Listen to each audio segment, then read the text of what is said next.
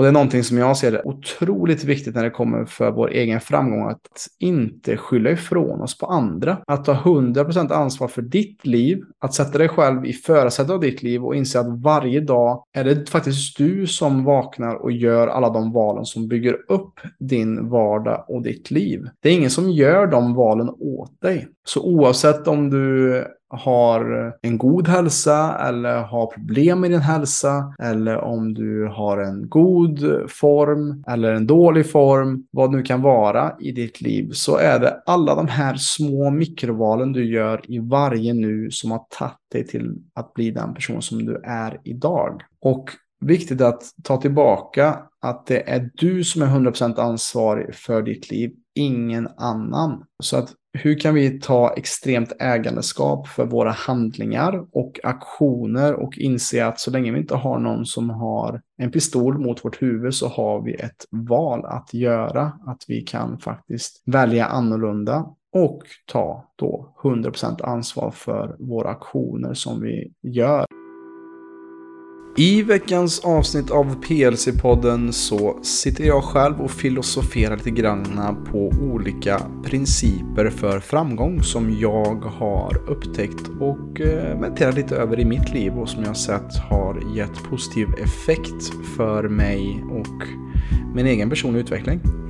Och det är det jag kommer dela med mig av idag i poddavsnittet. Just 10 principer för framgång. Varmt välkommen till ett nytt rykande färskt avsnitt av PLC-podden. Men innan vi drar igång så har Viktor ett par ord att säga om vårt samarbete med Pureness. Jajamän, vi har ju numera ett eh, samarbete då som innebär i praktiken att eh, du som PLC-medlem eller lyssnare av podden får 20% på hela Pureness sortiment om du handlar från deras sida och använder koden PLC-podden i ett ord när du checkar ut i kassan där. Anledningen till att vi har inlett det här samarbetet är inte bara det att det här är mitt personliga favoritmärke som jag historiskt sett använt mig av en hel del. Utan det är att eh, detta är ett företag som har liknande grundvärderingar som vi på PLC har. De står för inga tillsatser och onödigheter, vilket ju jag anammar mycket kring maten. Och ja, kosttillskott är någonting du stoppar i dig så det ska du se precis samma som du ser på mat. Det ska inte vara några konstigheter, inga saker som du inte skulle få för dig att stoppa i dig. Utan det ska vara rent och du vill veta att det är från en bra källa och precis det kvalitetssäkrar Pureness som så vitt jag vet ensamt företag i Norden som har både sina egna labb och oberoende laboratorier som ser till att allt som de säger finns i burken och inget onödigt och heller inga farliga saker som tungmetaller eller andra orenheter som tyvärr ofta annars kan slinka in eh, från andra märken som jag inte behöver nämna namnet på. Men eh, numera har vi som sagt ett samarbete med detta härliga företag och eh, du som lyssnar återigen får 20% rabatt om du använder PLC-podden på pureness.se. Hej och välkommen till PLC-podden, podden som förändrar Sveriges syn på hälsa med mig, Robin Hallsten. Och idag är jag återigen ensam och har tänkt sätta temat för det här avsnittet är 10 faktorer för framgång. Och det är 10 punkter eller principer som jag har funderat på, finulat på och slipat lite på här för att kunna ge till dig som lyssnar lite saker att tänka på när det kommer till ditt egna liv, vad du kan ta med dig från det här avsnittet. Och de punkterna som jag har skrivit ner här för mig själv som sitter med framför med lite stödanteckningar. Det är ingen inbördes ordning på dessa utan det är tio stycken faktorer som jag har identifierat själv som har varit viktiga i de gånger när jag har lyckats med saker i livet. Och det är inte alltid man gör såklart men jag kan se en röd tråd med de här sakerna och vad de har bringat i mitt liv. Så jag tänker vi hoppar in i den här listan direkt och startar med punkt 1 som är att dyka upp eller show up som man säger på engelska. Att vara tillgänglig och att oavsett omständigheter vara där och vara tillgänglig till vad det är man vill göra när det kommer till att till exempel sätta mål i livet eller att göra förändringar så är det egentligen det viktigaste att bara starta, att dyka upp. Och oavsett vad det är för omständigheter omkring, om det är regn eller slask, om du ska ut på en eh, löptur eller vad det nu kan vara, så är det viktigaste bara att vi dyker upp, inte alltid hur vi mår eller vad vi känner. Att inte vara för känslomässigt styrd i saker och ting. För att när det kommer till förändring, när det kommer till att nå våra mål, så måste vi ibland eh, skita i att vi skita i känslan och agera utefter vad det är vi vill uppnå helt enkelt. Och med det sagt så ska man inte köra över sig själv totalt om man är helt utsliten och utbränd. Men det är lätt, som du som lyssnar kanske vet ibland, att man kanske har planerat någonting men så kanske det är lite kallt ute eller så kanske det inte känns som rätt omständigheter. Och man kan fixa det men man, ah, man ångrar sig halvvägs på vägen ut kanske när man ska ut på som till exempel då en löptur när det är mörkt, kallt, slaskigt i november. Och då är det viktigt att vi kommer ihåg vad det är vi har bestämt när det kommer till våra mål och eh, att vi också måste se vad är det vi behöver uppoffra idag när det kommer till tid eller energi för att nå dit jag vill i framtiden.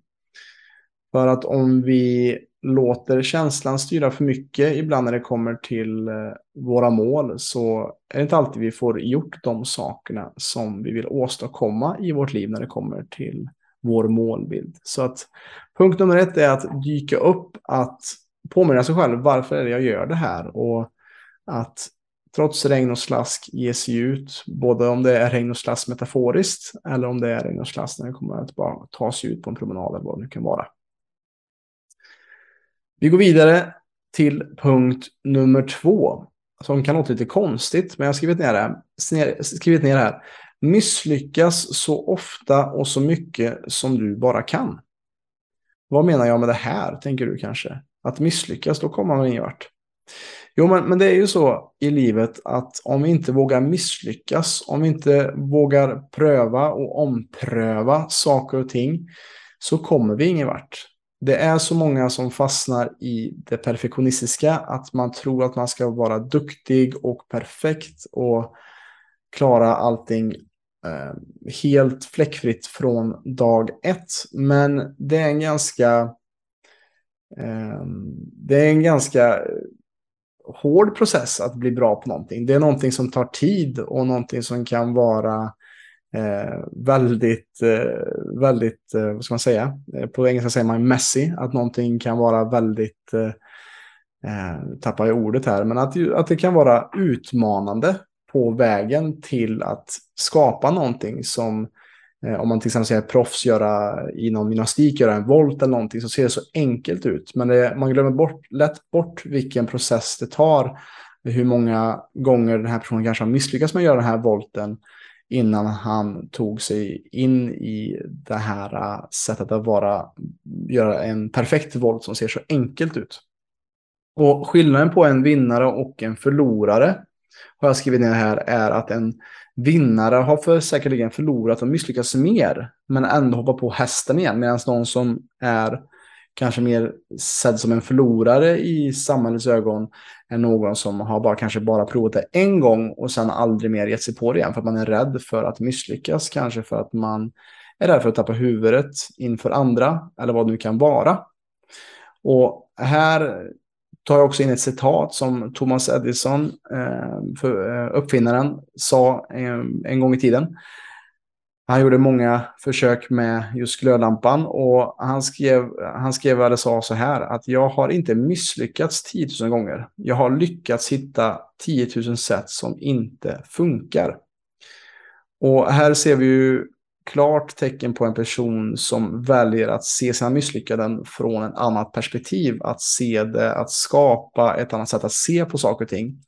Att inte låta sig bli nedslagen av varje misslyckat försök som han gjorde, utan att se det som en lärdom som tar oss närmre vår optimala mående eller vårt mål som vi vill nå fram till helt enkelt.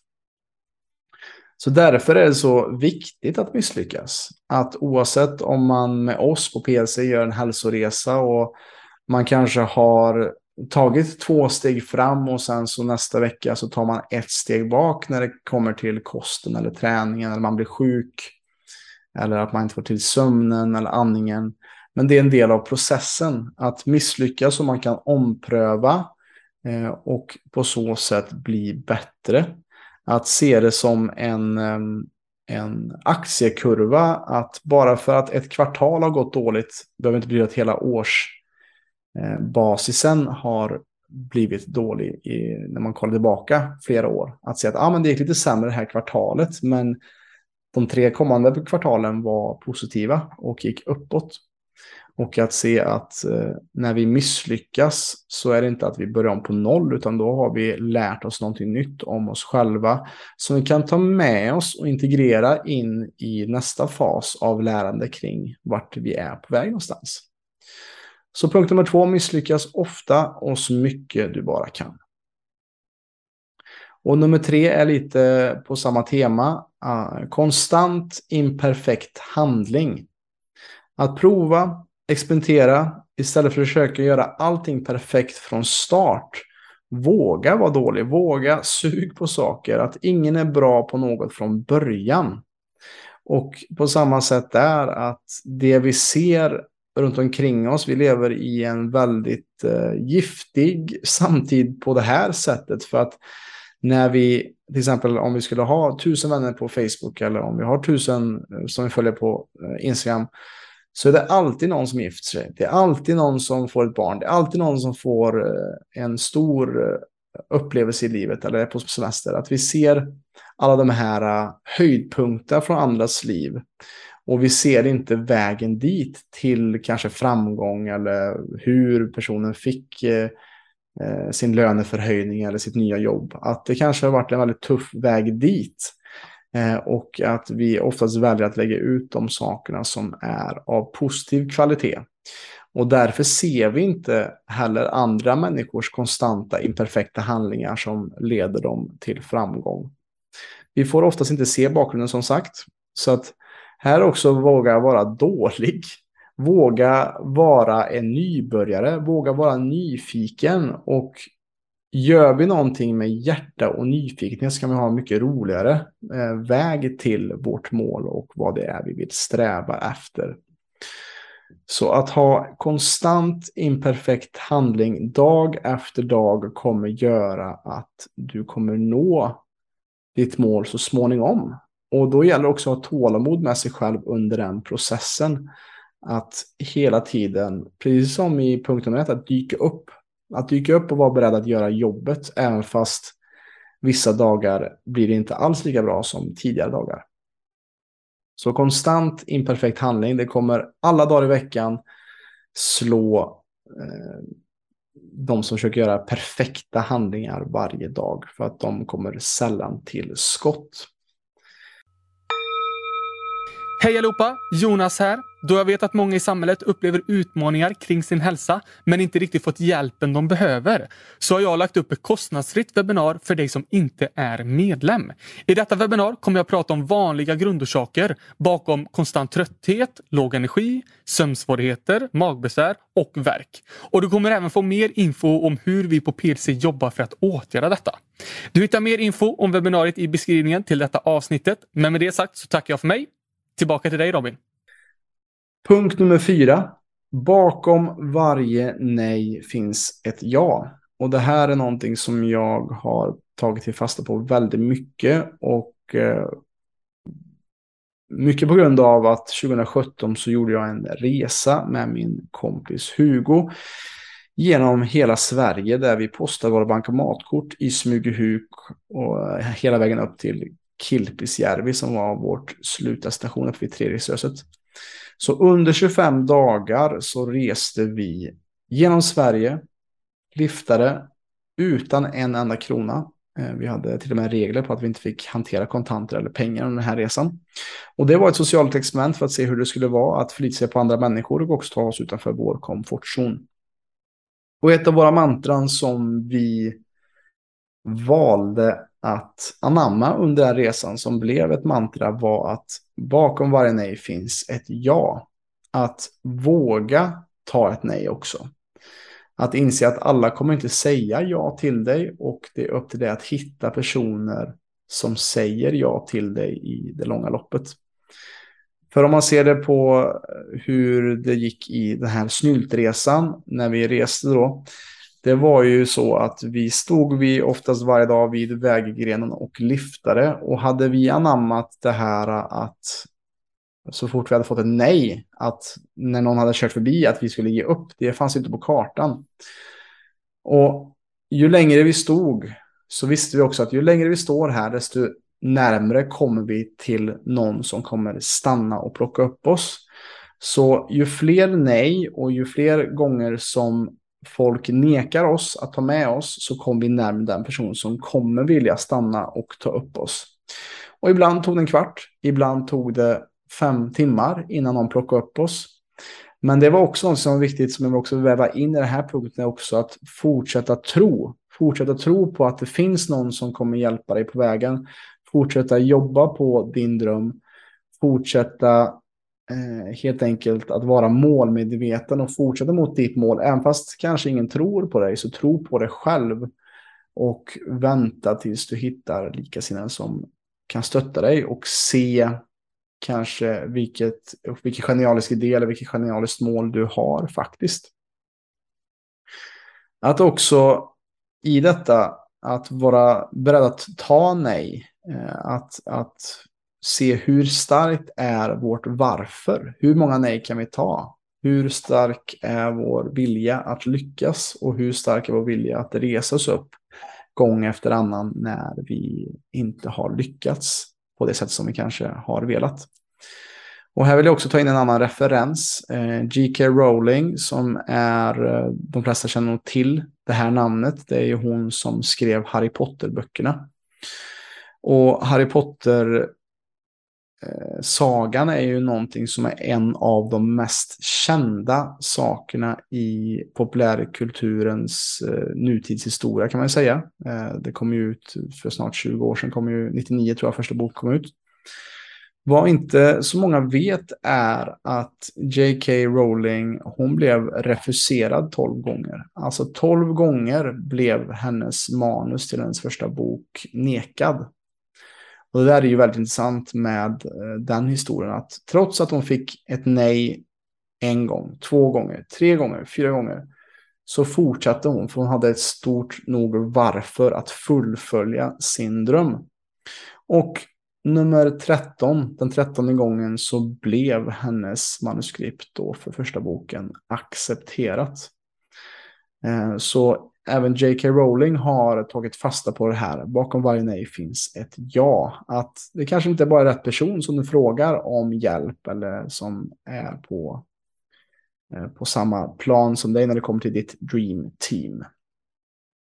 Så nummer fyra, bakom varje nej finns ett ja. Gå vidare till punkt nummer fem och det är extremt ägandeskap. Och vad menar jag med det? Jo, det är något som jag tagit från den före detta Navy Seal-soldaten Jocko Willink som är amerikan. Som har skrivit en bok som heter just Extreme Ownership. Där han snackar om sitt ledarskap i krigszonen i, i Ramadi i Irak tror jag det är han var när han tjänstgjorde. Där han hade hand om just elitförbandet, The Navy Seals. Och eh, där snackar han om i den här boken just, för han har också översatt liksom ägandeskapet, det extrema ägandeskapet i, eh, i, i strid till också till entreprenörskap och ledarskap i företag.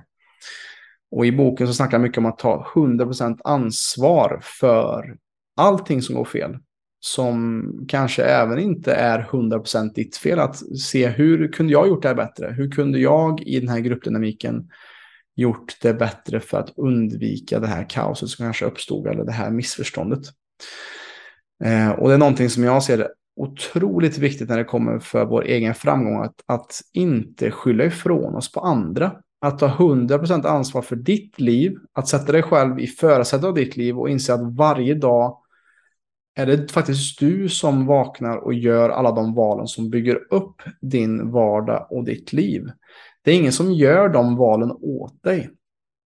Så oavsett om du har en god hälsa eller har problem med din hälsa eller om du har en god form ehm, eller en dålig form, vad nu kan vara i ditt liv, så är det alla de här små mikrovalen du gör i varje nu som har tagit dig till att bli den person som du är idag.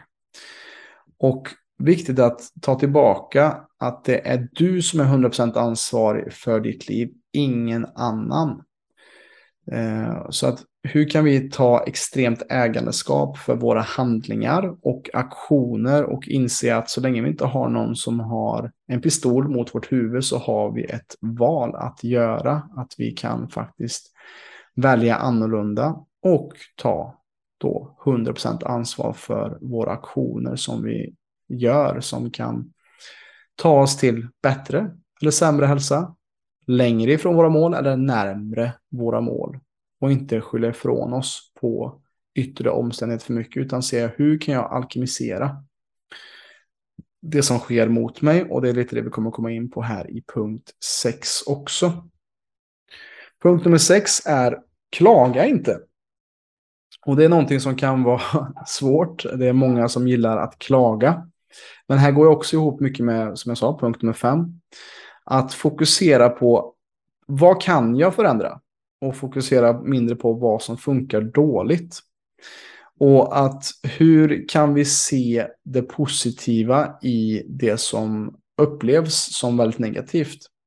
Några av de största framgångarna som har skett i mitt liv har oftast skett efter saker som har setts som negativa eller som jag som tolkar som negativa. Eh, kanske uppbrott eller när mitt hjärta blivit krossat i en relation eller när jag har blivit av med ett jobb eller när jag har skadat mig. Men efter, efter jag har gått igenom någonting sånt som varit inre motstånd, resistans, något som jag sett som negativt, så har det också gett mig tid för reflektion och tid att bygga om mitt liv. Så här är det också viktigt att fråga sig själv, hur kan vi hitta balans oavsett omständigheter?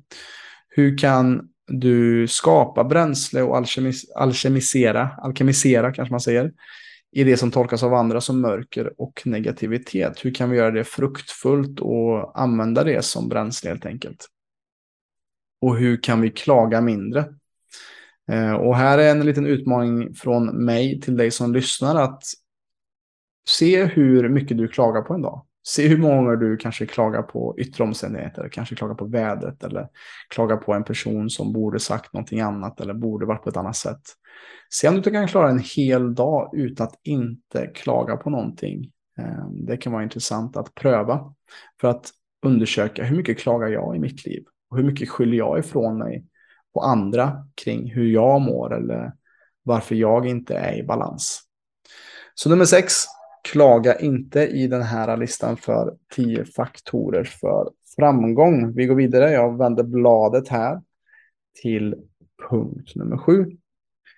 Och det är någonting som varit otroligt viktigt i min resa och jag tror för så många andra som jobbar eh, med eh, när det kommer till vad nu än är, när det kommer till att bryta mönster eller att ta sig någon annanstans och att, att förändras till det positiva. Och det är att omge dig själv med likasinnade. Att hitta mentorer, lärare eller andra personer också som inte bara är likasinnade utan även kanske personer som har tagit sig längre på den här resan som du är på. Att kolla framåt, att mycket av mina, fram, mina förebilder när det kommer till exempel när det kommer till personlig utveckling eller när det kommer till hälsa, helhetshälsa, de är också oftast 10-20 år äldre för att de har själva också varit i min ålder där det, där det är lite kanske mer att fundera på och att hitta sin plats i samhället. Men genom att lyssna på dem, genom att ta in deras kunskap och att söka upp personer som är likasinnade och också mentorer som kan hjälpa dig på vägen så blir vägen lite kortare. För om du ska försöka bygga en helt ny väg så kommer det ta mycket längre tid än att faktiskt trampa på en stig som redan är lite upptrampad redan. Det kanske inte är att du kommer följa den stigen till punkt och pricka. Men att se att vi inte behöver uppfinna hjulet återigen. Att det finns säkerligen personer som, precis som du, med de mål som du har, har uppnått mycket av det som du vill uppnå och där du kan modellera och studera hur de här personerna tog sig förbi de här utmaningarna som kanske du står inför. Och det här med att omge dig själv med liknelser är också viktigt. Jag tänker på H.C. Anderssons saga om den fula ankungen. Som egentligen inte var anka ju, som var en vacker svan. Men på grund av att den befann sig med andra ankungar så kände den sig utanför och den kändes inte alls som alla andra. Eh, men när den väl insåg sitt inre värde och hur värdefull och vacker den var så, så blev det en helt annan slut på den historien. Att det här var ingen ful ankunge, det här var en vacker svan. Och du kanske också är en, du som lyssnar kanske också är en vacker svan, men du är inte en miljö som främjar eh, din svanhet.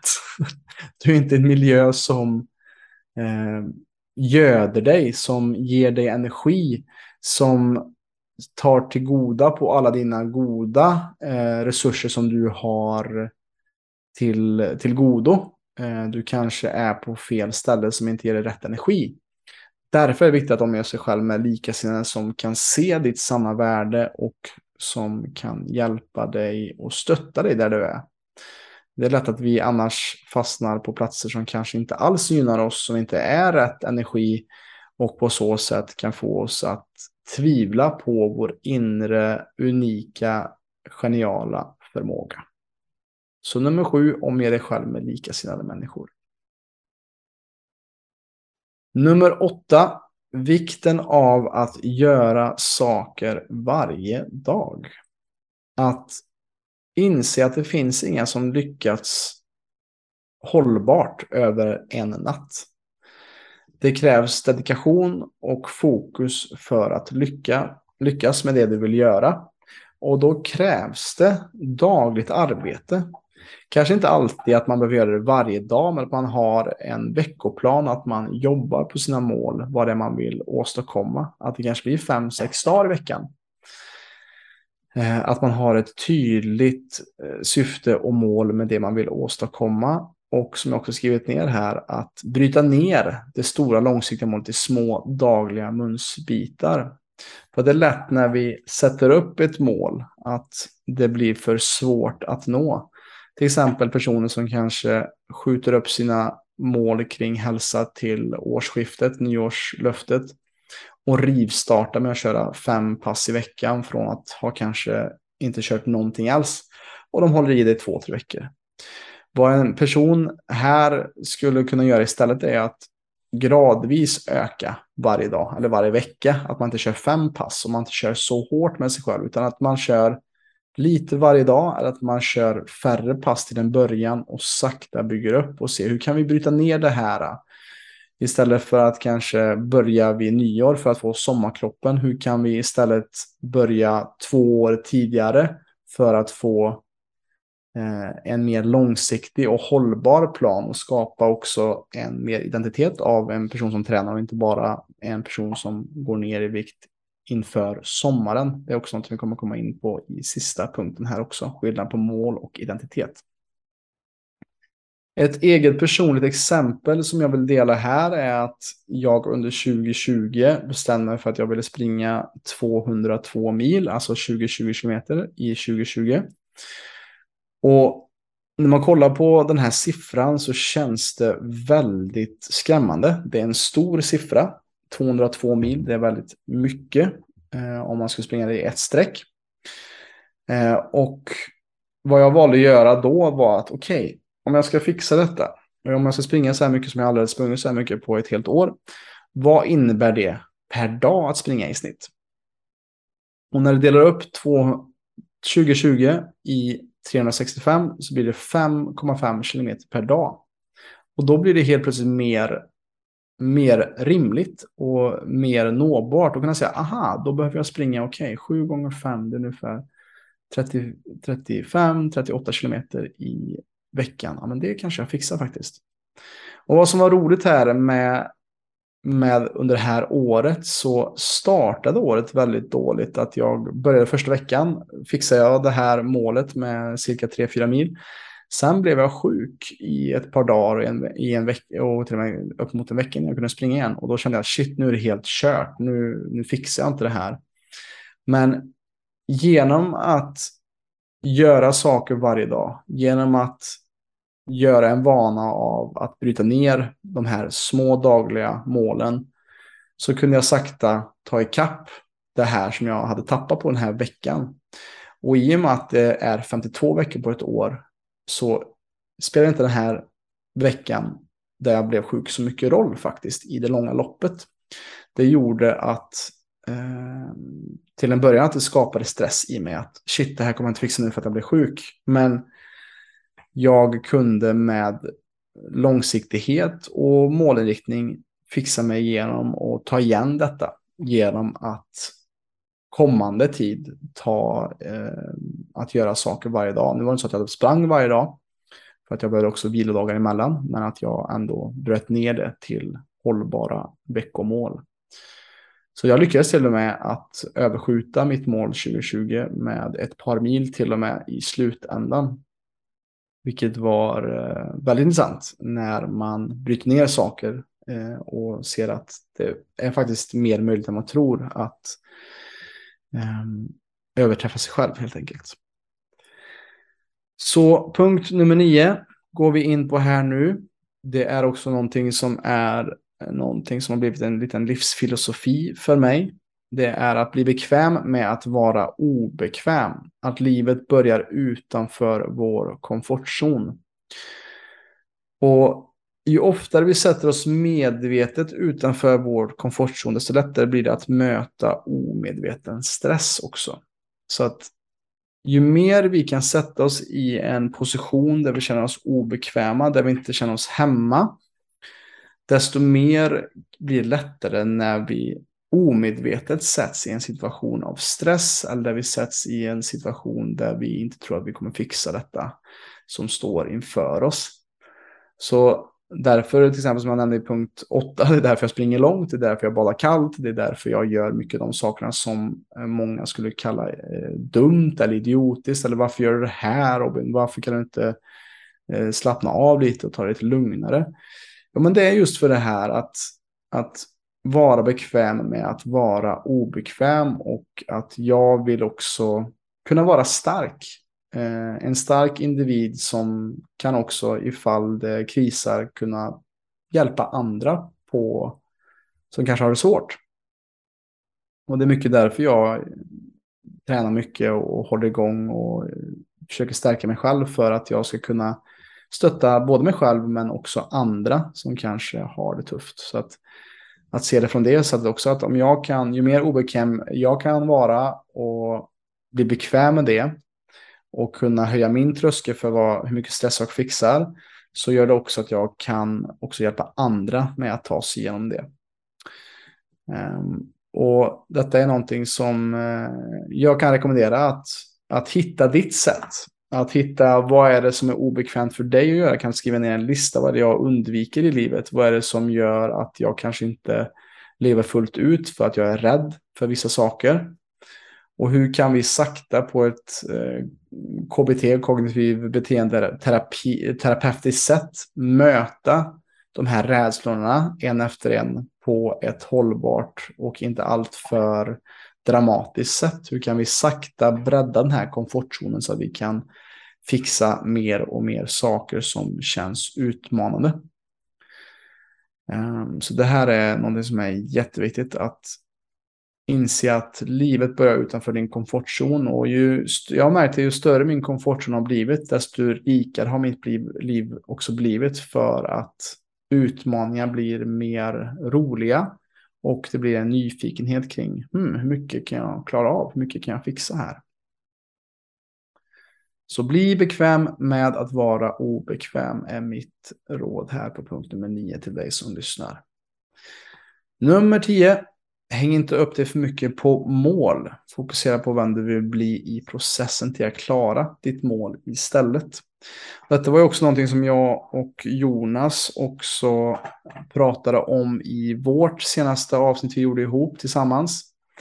Där att det är skillnad på mål och identitet. Det är skillnad på någon som vill eh, gå ner i en viss vikt och gå ner, i, gå ner till målvikt eh, kontra någon som vill skifta sin identitet till att leva hälsosamt och på så sätt gå ner i vikt. Det är skillnad på någon som ska springa ett maraton och någon som vill bara skifta sin identitet eller skifta processen till vem man vill vara till att bli, bli en långdistanslöpare.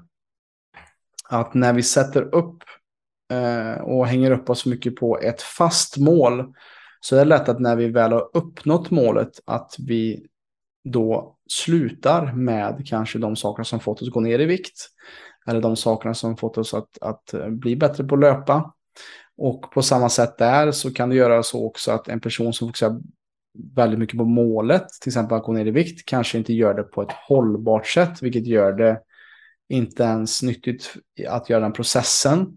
För att det är bara målet som är i sikte istället för att ha i, i sin kikare, i sitt sikte, i sin kompassriktning, att bli en hälsosam person på väg ner i vikt. Så här är det jätteviktigt också att, att som jag sa här då, att inte hänga upp sig på mål. Det är bra att ha mål, men också fokusera på vem är den här personen jag vill bli i den här processen. Och detta, som jag sa, tog eh, jag och Jonas ett snack om i ett avsnitt. Och det tog jag från eh, en bok som heter Atomic Habits, eller enprocentsmetoden som är skriven av James Clear som är väldigt intressant där han kollade just på skillnaden på folk som gör detta eh, som Eh, skillnaden på just mål och identitet, vem man vill bli i processen till att uppnå sina mål. Och det var väl allt jag hade att säga på den punkten egentligen, punkt nummer 10. Och hoppas att eh, det här har gett dig som lyssnat någonting att tänka på och ta med sig. Och vi kan ta en snabb recap, en liten snabb sammanfattning av de sakerna som jag har sagt här från 1 till 10. Nummer ett, att dyka upp, att show up oavsett vad det är för omständigheter i regn och slask. Nummer två, att misslyckas så ofta och så mycket du bara kan. Nummer tre, att konstant ta imperfekta handlingar, att fortsätta jobba på din dröm. Oavsett eh, hur, eh, att, ja, att det inte blir helt perfekt varje dag. Nummer fyra, bakom varje nej finns ett ja. Att våga fortsätta trots att det känns tufft och utmanande. Att inse att eh, längre fram så kan det finnas eh, en öppen dörr bakom de stängda dörrarna som du, nu just nu knackar på. Nummer fem, extremt ägandeskap, att ta 100% ansvar för ditt liv och sätta dig själv i förarsätet av ditt liv. Nummer sex, att inte klaga och som jag sa här, se om du kan klara en hel dag eller en hel vecka utan att klaga. Se, notera hur mycket klagar vi i varje dag egentligen. Nummer sju, Omge dig själv med likasinnade människor eller leta upp mentorer som har gjort det som du vill åstadkomma och modellera och studera de här personerna som gått före dig på den vägen som du är på väg. Nummer åtta, vikten av att göra saker varje dag så att vi bryter ner våra stora långsiktiga mål i små dagliga munsbitar.